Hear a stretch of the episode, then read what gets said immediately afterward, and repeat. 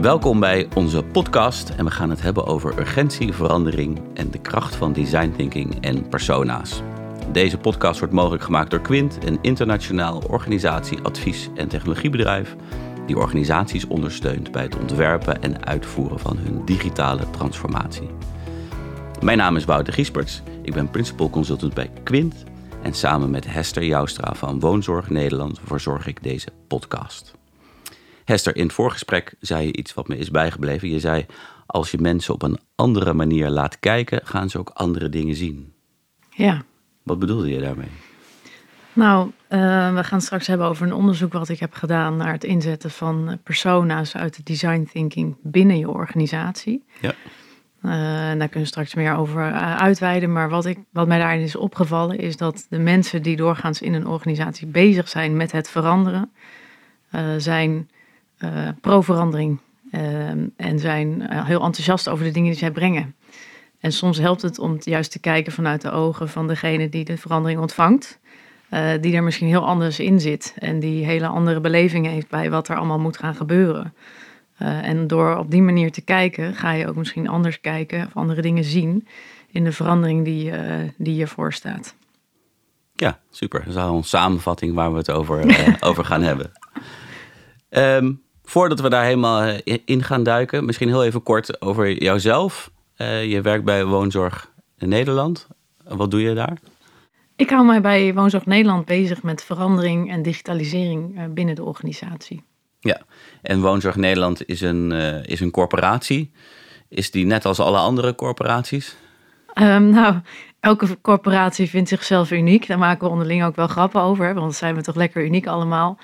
Uh, maar ik denk dat in het geval van Woonzorg dat ook wel een beetje zo is, uh, om drie redenen. Wij hebben een focus op uh, seniorenhuisvesting, dus dat maakt ons al iets anders dan eigenlijk de brede hele doelgroep. We hebben ook een landelijke portefeuille, waar de meeste corporaties toch op een bepaalde gemeente of regio georiënteerd zijn. En we hebben zorgvastgoed, dus we hebben eigenlijk een soort tweedeling in de portefeuille. We hebben aan de ene kant woningen die we verhuren aan mensen, maar ook zorgvastgoed dat we verhuren aan organisaties. Dus ja. eigenlijk een soort B2B en B2C segment.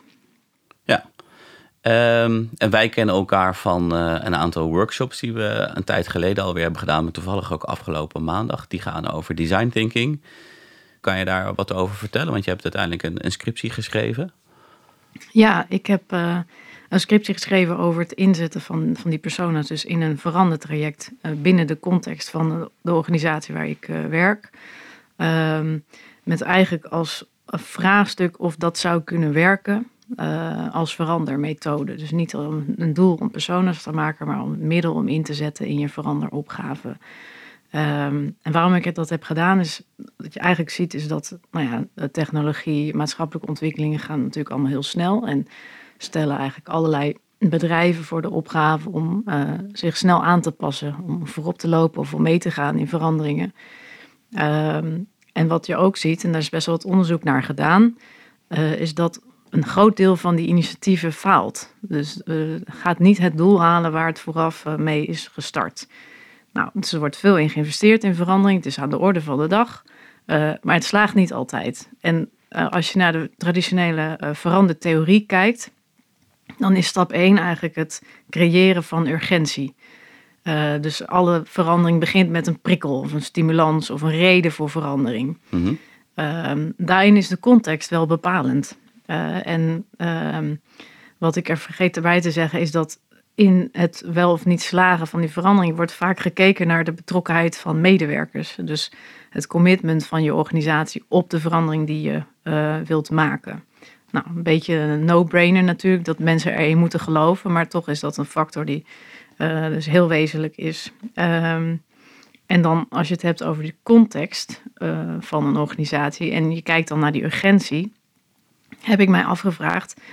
Als je nou zit in een uh, omgeving waarin die urgentie niet zo direct voelbaar is. Uh, wil niet zeggen dat die er niet is, maar of die, of wel ook zo ervaren wordt. Um, wat is dan de juiste methode om de mensen in je organisatie te prikkelen tot die verandering? En ik zal het iets toelichten. Kijk, um, er is natuurlijk in die corporatiesector zeker urgentie. Er moet heel veel bijgebouwd worden. Er moet eh, als een gek verduurzaamd worden. Uh, nou, zo, zo kun je nog een aantal uitdagingen opnoemen. Maar feit is ook, en zeker als je kijkt naar uh, seniorenhuisvesting bijvoorbeeld, mm er is vraag tot, uh, tot in lengte van jaren. Er is een groot tekort op de woningmarkt. Nou, en er is ook in principe voldoende geld. Dus als je het dan hebt ja, over prikkels en concurrentie, want uiteindelijk zijn er vooral coöperaties hè, die zich op dit terrein begeven. Ja, wat is dan de prikkel die, die, die verandering gaat teweegbrengen, of die stimulans die aan het begin nodig is? Nou, in die context heb ik gekeken, is het inzetten van persona's een mogelijk middel om uh, het commitment van je medewerkers en organisatie uh, te prikkelen? Ja, want je raakt daar een aantal dingen die, die ik zelf ook herken. Ik kom zelf uh, heb ik ook het genoegen om bij veel corporaties binnen te mogen komen en aan, aan verandering of verbetering te werken. Um, maar ja, corporaties zijn in die zin wel heel specifiek. Het valt mij inderdaad ook altijd op. Hè. Aan de ene kant een hele duidelijke taakstelling. Super fijn. Je weet precies wat je moet doen. Maar aan de andere kant, als je op zoek gaat naar zijn er KPI's of zijn er doelstellingen, dan is dat soms moeilijk te vinden. Hè, dus um, vind ik zelf altijd interessant dat corporaties aan de ene kant dus een heel duidelijk uh, opgave hebben. Ja. Maar aan de andere kant lastig lijkt om die urgentie heel concreet te maken of heel tastbaar te maken. Ja. Uh, hoe zie jij dat? Nou, ik, ik herken dat wel en ik denk, kijk, woningcorporaties zijn natuurlijk een, een organisatie met een soort maatschappelijke doel, maatschappelijke opgave. Dus er is niet één aandeelhouder die zegt: ik wil uh, winst is het belangrijkste, of ik wil de kosten naar beneden, of nou whatever. Wat kan van alles zijn, maar er, is, er zijn heel veel doelen in die zin. Uh, en dus ook heel veel ja, facetten waar je aandacht aan wil besteden.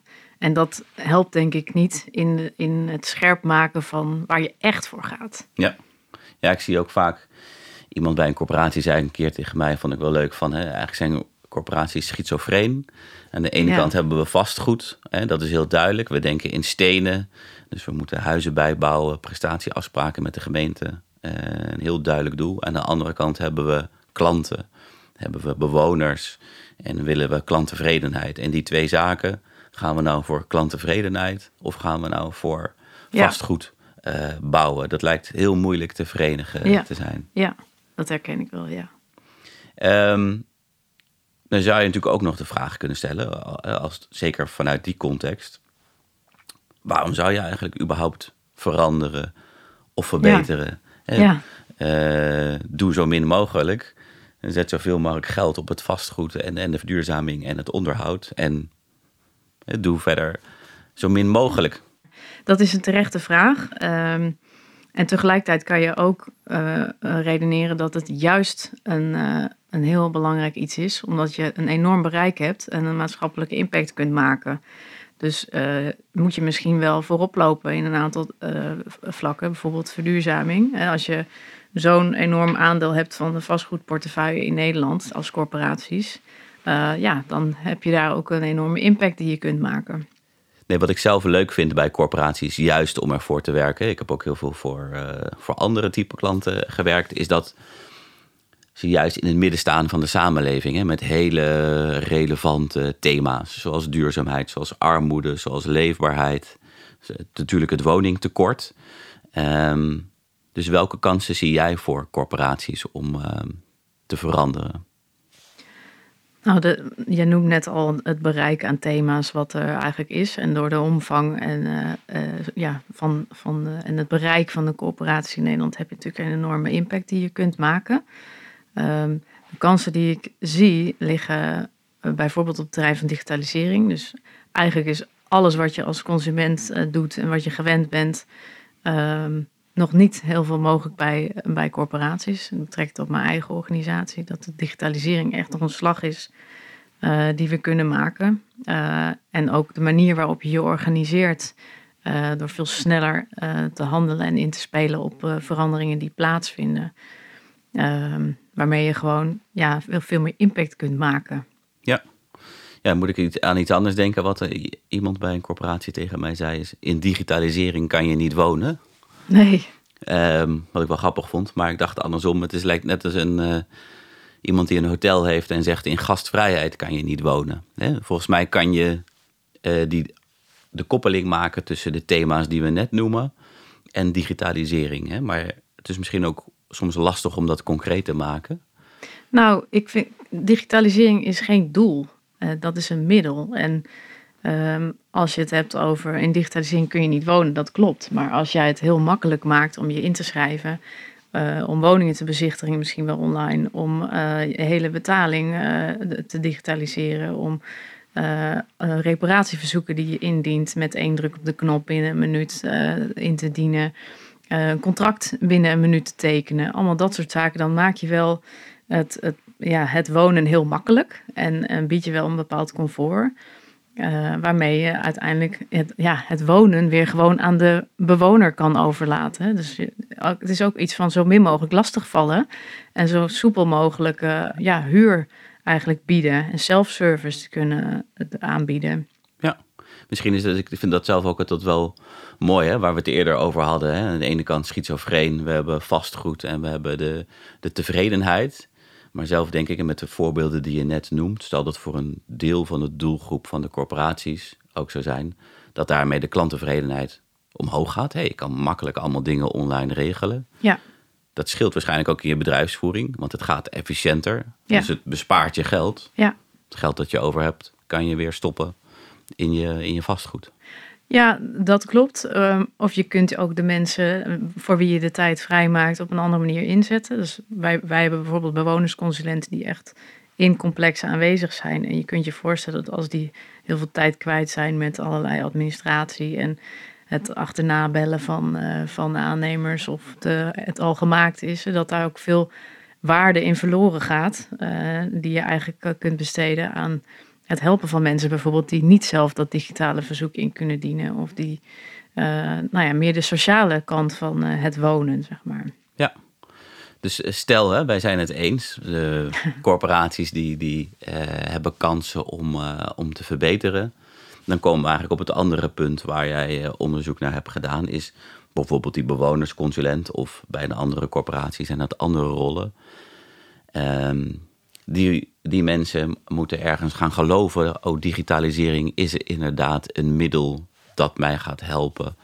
Om ehm, mijn werk makkelijker en leuker te maken. Want als, wij, als ik langskom en zeg, we gaan het nu zo doen, is ook mijn ervaring, dan werkt dat en niet. Dus we moeten die betrokkenheid uh, gaan verhogen. Wat, wat heb jij gevonden wat daar dan uh, goede middelen voor zijn? Nou, um, ik heb dus onderzocht of het inzetten van die persona's een middel uh, zou kunnen zijn. En uh, dat is een verkennend onderzoek geweest. Dus ik heb niet een validatie gemaakt van het, het werkt. Maar het is een vraag van zou het zinvol kunnen zijn om het op die manier te benaderen. Um, en dat lijkt wel zo te zijn. En ik heb ook een aantal partijen gesproken die, het is een beetje een greenfield, maar een aantal partijen gesproken die ook aangeven van wij gaan dat nu ook inzetten in, in organisaties. En wat je ziet is dat het heel, dat design thinking proces heeft natuurlijk een aantal aspecten die heel zinvol zijn als het gaat over je verdiepen in mensen. Dus het empathisch vermogen, maar ook het uh, centraal stellen van je gebruiker bijvoorbeeld. Uh, zijn echt wel facetten die ook heel veel zinvol kunnen zijn binnen een organisatie als het gaat over verandering. Dus kun je je verdiepen in degene van wie je eigenlijk iets verwacht. Uh, en wat, uh, wat heeft die dan nodig om met jou mee te gaan in dat verhaal? En ik heb dat dus gekoppeld aan de theorie over verandering, waarin uh, commitment van, van mensen op verandering, waar ontstaat weerstand door? hoe voelen mensen zich gesteund door, door management? hoe worden ze in staat gesteld om te veranderen? Wat bied je eigenlijk aan? wat is het? What's in it for me? dat is natuurlijk ook heel relevant. Dus uh, en dat heb ik eigenlijk bij elkaar gebracht. Dus, dus aan de ene kant uh, al die, die dingen die we weten over wat mensen doen in verandering. En aan de andere kant je verdiepen in daadwerkelijk die uh, mens van wie je iets verwacht. Nou, dan, dan kan je eigenlijk typeringen maken of groepen.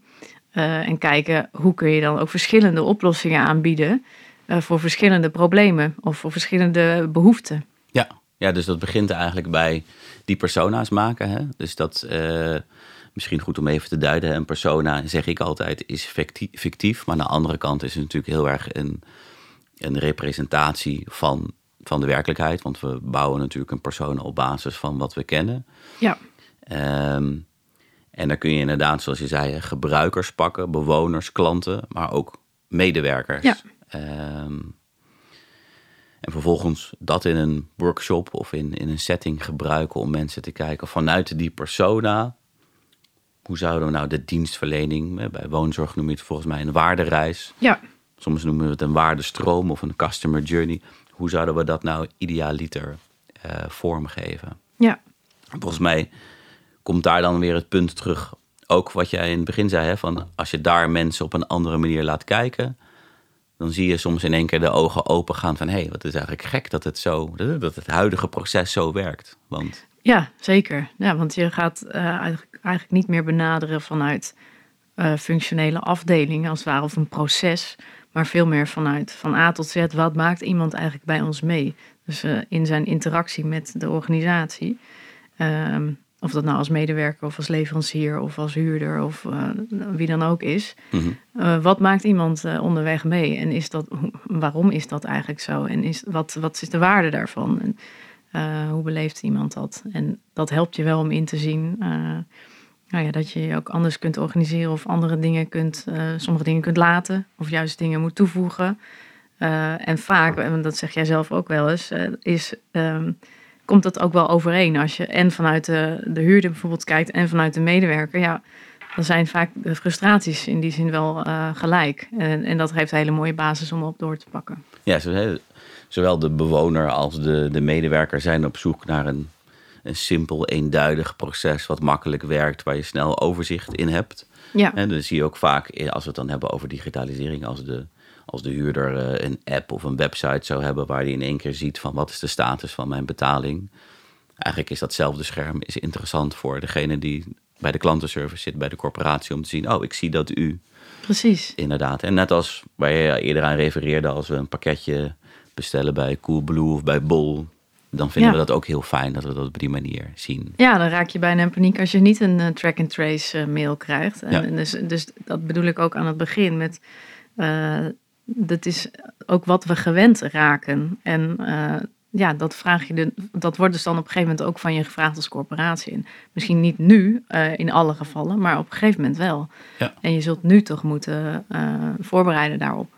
Ja, en dan is het natuurlijk belangrijk natuurlijk dat we niet een uh, mooie hijsessie doen met het management en zeggen: Weet je wat, we hebben bedacht, we moeten track and trace, we moeten een chatbot en we gaan een algoritme ja implementeren. want dan, dat is top-down. Uh, volgens mij zit juist de waarde in dat, dat je de werkvloer de gelegenheid geeft om dat uh, te ontwerpen. Ja, en ook de waarde laten inzien van uh, die dingen die dan veranderd kunnen worden. En wat ik zelf denk, wat heel relevant is als je. Kijk, natuurlijk heeft een organisatie bepaalde doelen en, en een reden om te willen veranderen. Maar als je die niet kunt verbinden met de dagelijkse praktijk van de medewerker, de huurder, dan, dan is dat, dat heeft geen zin. Zeg maar. Je, moet op een of andere manier de verbinding kunnen zoeken met wat mensen dagelijks meemaken. Want daar zit ook hun reden om te veranderen of hun uh, ja, noodzaak of behoefte. En als je dat kunt koppelen met elkaar, ja. dan uh, heb je een goed verhaal. Ja, dat zie ik ook vooral juist in de, in, in de aanpak van, van design thinking met die persona's. Hè is, was voor mij eh, jaren geleden ook eigenlijk een soort switch. Hè? Veel meer faciliteren. Dat de mensen uh, die de workshop doen, dat zij ideeën kunnen bedenken. Dat zij het aan elkaar pitchen. Uh, en dan zie je eigenlijk hè, dat de taak van het management eigenlijk alleen maar is faciliteren. Als mensen komen met die ideeën en zeggen... hé, hey, we zouden eigenlijk de dienstverlening op deze manier inrichten... Ja, hoef je eigenlijk alleen maar, of zeg ik het dan te simpel... hoef je alleen maar te zeggen, ja, goed idee, ga ervoor. Um, nou, ik denk dat daar wel waarheid in zit. Ik denk dat je het uh, wat moet uh, bepalen. Waar, wat wil je nou bereiken als organisatie? En dat je het hoe eigenlijk moet uh, delegeren in die zin. En kunt delegeren. Ja. Dus laat, laat dan de organisatie ook komen met hoe je het wilt uitvoeren. Ja, dat is dan wel, komen we weer terug op waar we het eerder over hadden.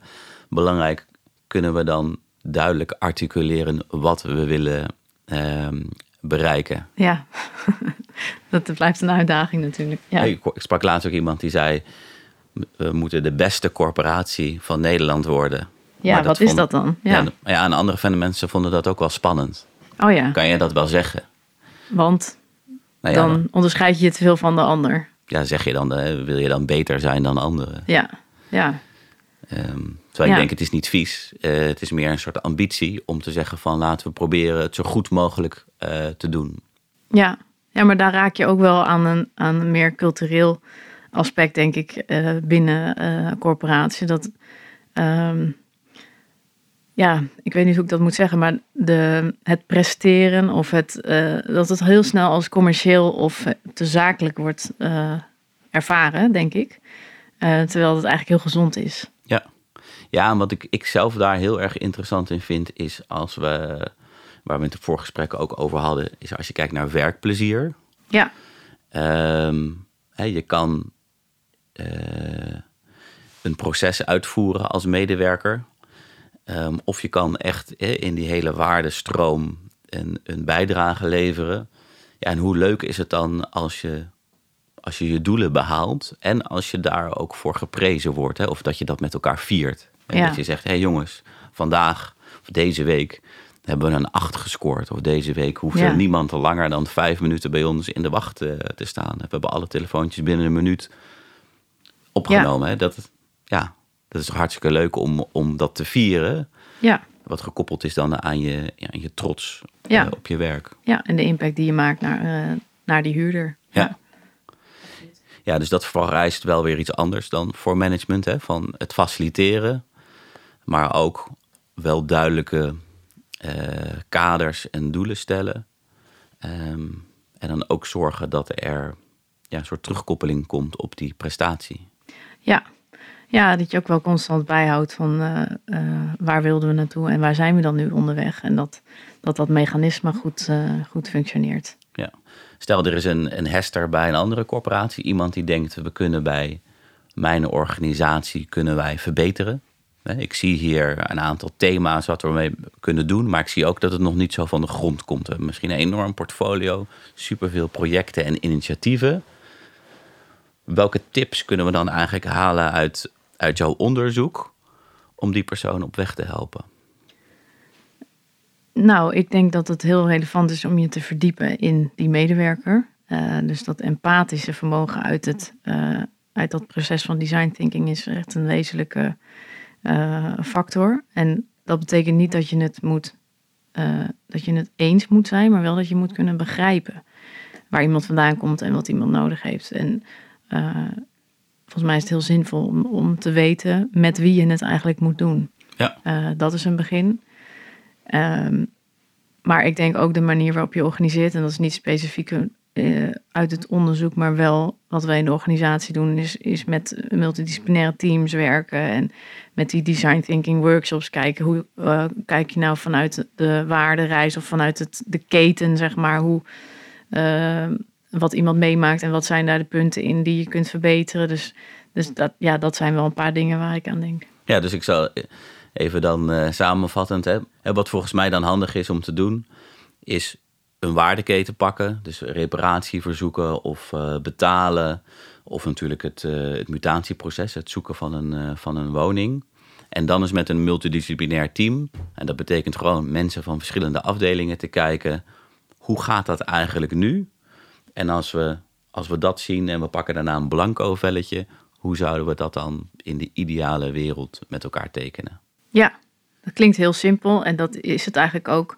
En als je mensen van verschillende eh, eh, rollen en functies en, en eh, stapjes in een geheel bij elkaar zet, dan ga je ook zien dat dat een ander effect heeft. Namelijk dat ze ook onderling veel meer begrip hebben van het totaal en van ieders aandeel daarin. Ja, ik vind het zelf altijd fascinerend om te zien. En dat is belangrijk in het, in het doen van zo'n workshop. Dat, dat dat niet fout is.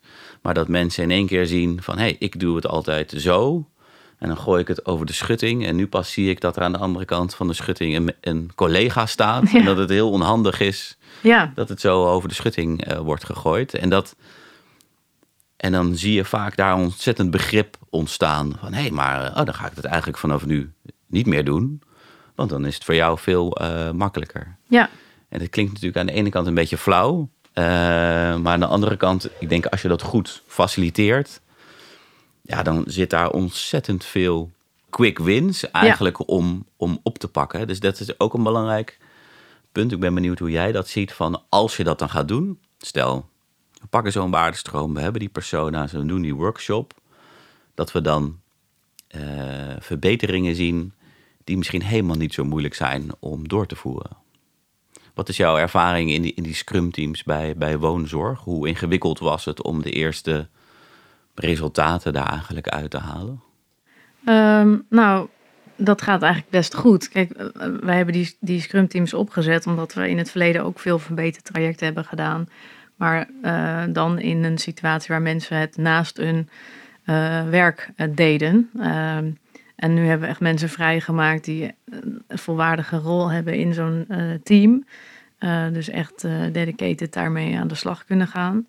Uh, en door die verschillende disciplines en ieders lijntjes binnen de organisatie kun je eigenlijk heel snel uh, slagen maken. Uh, en wij zijn nog aan het beginnen, dus de teams zijn vorig jaar gestart en we zijn nieuwe teams aan het toevoegen. En ze raken steeds meer op elkaar ingespeeld en krijgen die werkwijze onder de knie.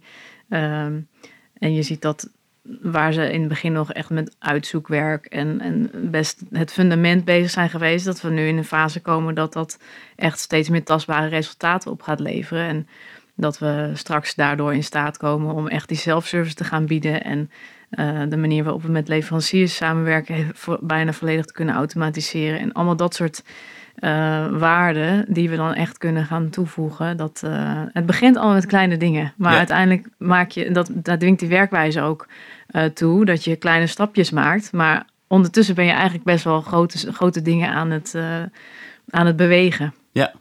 ja, en dat lijkt me dan weer, als we terugkomen weer op werkplezier, ja. ideaal voor de mensen die zelf in die workshop hebben gezeten, zelf uh, dat hebben ontworpen, ja. zelf hebben bedacht dat het een goed idee is dat we nu een chatbot gaan gebruiken of ja. noem maar wat. Ja.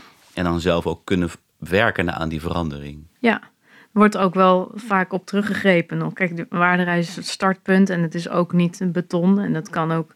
Het is ook misschien een soort moving target, want uiteindelijk uh, ontdek je gaandeweg weer nieuwe dingen. Maar het is wel zo dat die waardereis uh, steeds in het hoofd blijft. En ja, jullie maken er altijd een mooi stripverhaaltje bij, maar dat, dat zie je ook steeds alweer terug. Van, oh, dat was inderdaad het knelpunt en zo, uh, zo hadden we het bedacht als ideaal. Uh, waarbij het natuurlijk ook belangrijk is dat je blijft toetsen of dat voor de gebruiker ook daadwerkelijk ideaal is. Dat we niet alleen maar zelf bedenken hoe het ja. voor diegene zal zijn, maar dan juist ook valideren bij de daadwerkelijke huurder. Je raakt er overigens nog een andere tip die ik er dan even uitlicht, is eigenlijk het visuele aspect. Ja. Hè? ja. Dus de persona. Ja die gaan we niet alleen maar uh, in een soort roman beschrijven, maar nee. die maken we ook visueel. Die tekenen we. Ja, die krijgt een naam. Die, die krijgt ja. een naam, die krijgt hobby's, ja. uh, die kijkt Netflix, die Precies. Uh, heeft een favoriete, heeft ook een partner. Ja, samen Facebook-account en dat soort dingen. Ja, en ook inderdaad daarna die waardestromen, wat ik... Ja, er zijn natuurlijk enorme, je kunt enorme procesboeken schrijven. Ja. Uh, met allemaal stapjes en allemaal driehoekjes en vierkantjes over wat je dan zou moeten doen. Of inderdaad, wat wij vaak doen, is een stripverhaal. En dat klinkt dan Ja. ook weer simpel. Ehm, maar toch heeft dat een enorme, denk ik, functie in de herkenbaarheid eh, van mensen. hè. Dus de kracht van het visueel maken. Ja. ja, dat werkt echt heel goed. En dat houdt het ook simpel. Uiteindelijk hoef je het ook niet heel ingewikkeld te maken. We hebben gewoon mensen die bij ons wonen en daar gaat wel eens iets kapot. En eh, die hebben wel eens een vraag. En nou ja, dat soort dingen. Houdt het ook simpel. Ja. Hester, volgens mij als ik hem even terugpak op alles wat we hebben besproken. Hè, we, als, we als we concrete tips hebben voor iemand die dit ook wil oppakken, dan pakken we een waardestroom. We hebben een multidisciplinair team nodig, waar het liefst ook nog mensen in vrijmaken. Dan moeten we werken vanuit persona's die we ook visueel maken. En we moeten vooral kijken naar die medewerkerbetrokkenheid. Hè? Want het gaat ook over dat er mensen bij corporaties werken. En dat geldt eigenlijk voor andere organisaties. Die werken al daar twintig jaar hartstikke goed. En dat we die moeten meenemen in wat er dan gaat veranderen en waarom dat dan beter is. Heb ik dat dan eh, goed samengevat? Dat heb je dan goed samengevat. Uh, het is belangrijk dat je je gewoon verdiept in de gebruiker, of dat nou de huurder is die in een bepaalde uh, interactie zit met de organisatie of een gebruiker überhaupt. Um, maar ook kijk naar de, de medewerker van wie je dan verwacht dat die iets anders gaat doen. En dat je ook duidelijk kunt maken wat, wat diegene daar zelf dan aan heeft en waarom dat allemaal nodig is.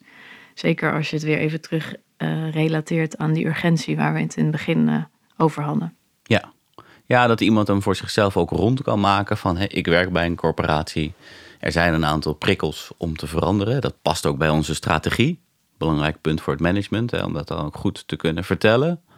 En daarom gaan wij nu zorgen dat je met een foto een reparatie kan aanmelden. Ja, dus met name dat laatste wat jij noemt, uh, dat heb ik ook in mijn onderzoek uh, ervaren. Dus als je je goed verdiept in uh, degene van wie je eigenlijk iets verwacht in, die, in, de, in de verandering in je organisatie, dus de medewerker in dit geval, en je verdiept je in nou ja, wat het voor diegene betekent, wat diegene nodig heeft, hoe diegene erin zit, allemaal dat soort dingen, dan heb je ook meer begrip voor ja, wat dat allemaal is en kun je ook makkelijker inspelen uh, door verschillende dingen aan te bieden in, uh, in je veranderproces.